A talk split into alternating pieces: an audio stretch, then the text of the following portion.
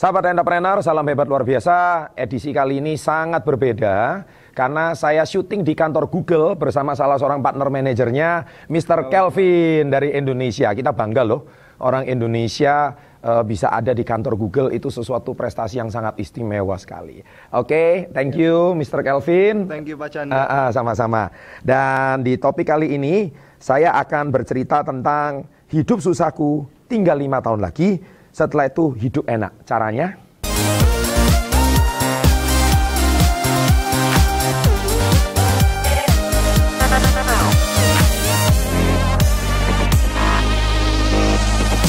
Nah, jadi kali ini eh, saya berada di salah satu ruangan eh, di kantor Google, yaitu suasana kerja di kantor Google ini sangat nyaman, sangat rileks, eh, bahkan tidak terkesan jauh dari kata formil. Dan ini salah satu ruangan untuk para karyawan Google bisa bermain dengan santai, dengan rileks. Ada meja biliar segala, ya. Dan tentunya pada kesempatan kali ini saya ingin sharing sesuatu sama Anda tentang apa sih maksudnya hidup saya ini susah tinggal lima tahun lagi. Ya. Mungkin kalau Anda tidak memulai membuat keputusan sekarang, ya, Anda lima tahun lagi hidup Anda tidak ada perubahan.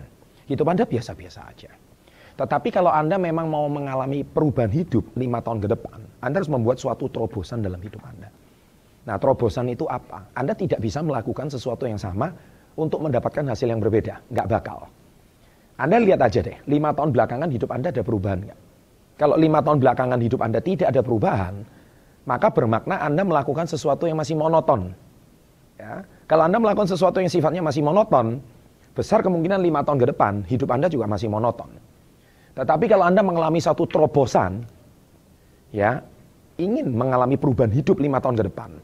Dari segi finansial, dari segi karir, ya kan bahkan dari segi kematangan mental, maka Anda harus membuat sesuatu keputusan sekarang agar lima tahun dari sekarang hidup Anda mengalami satu perubahan yang luar biasa. Nah, uh, kita lihat sahabat entrepreneur, sebetulnya di era milenial ini kita juga perhatikan banyak sekali uh, zaman sekarang ya tidak harus kita seperti kayak zaman Orde Baru atau zaman era tahun 80-90-an. Saat itu banyak orang mengejar gelar sarjana. Setelah tamat, ya pasti diterima jadi PNS, ya kan? Atau melamar bekerja sebagai seorang karyawan bisa diterima di perusahaan yang besar. Banyak orang berpikir, Pak, saya nggak punya pendidikan, apakah saya bisa sukses? Saya berani garanti, yes. Karena sukses nggak ada hubungannya sama pendidikan formal. Kenapa saya katakan demikian? Cek video-video yang lain, banyak sekali multi bilioner, miliarder dunia, mereka sukses tanpa gelar. Ya, kita harus tahu.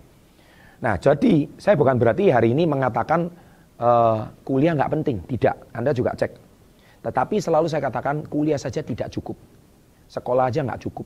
Anda harus mendapatkan sesuatu untuk mengalami terobosan dalam hidup Anda. Ngomong-ngomong, saya juga seorang sarjana.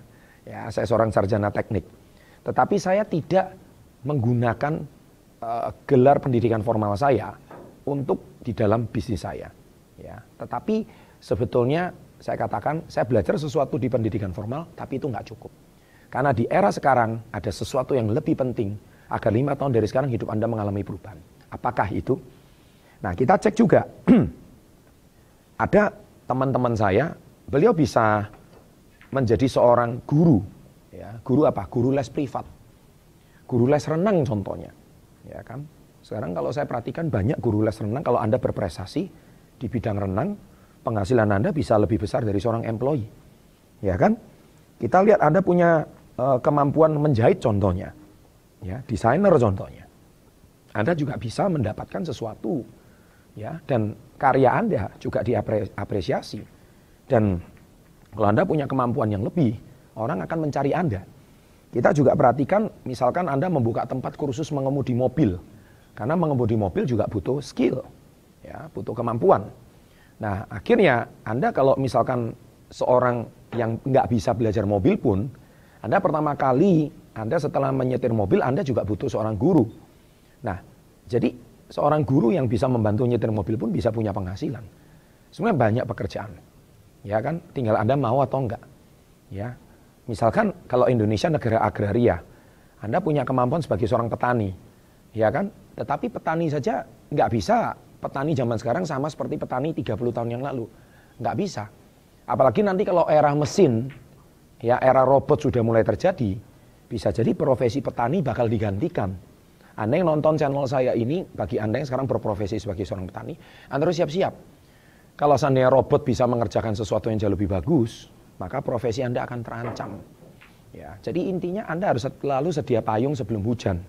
Kalau Anda menonton channel saya ini, terbuka wawasan Anda, maka Anda harus melakukan suatu terobosan dalam hidup Anda.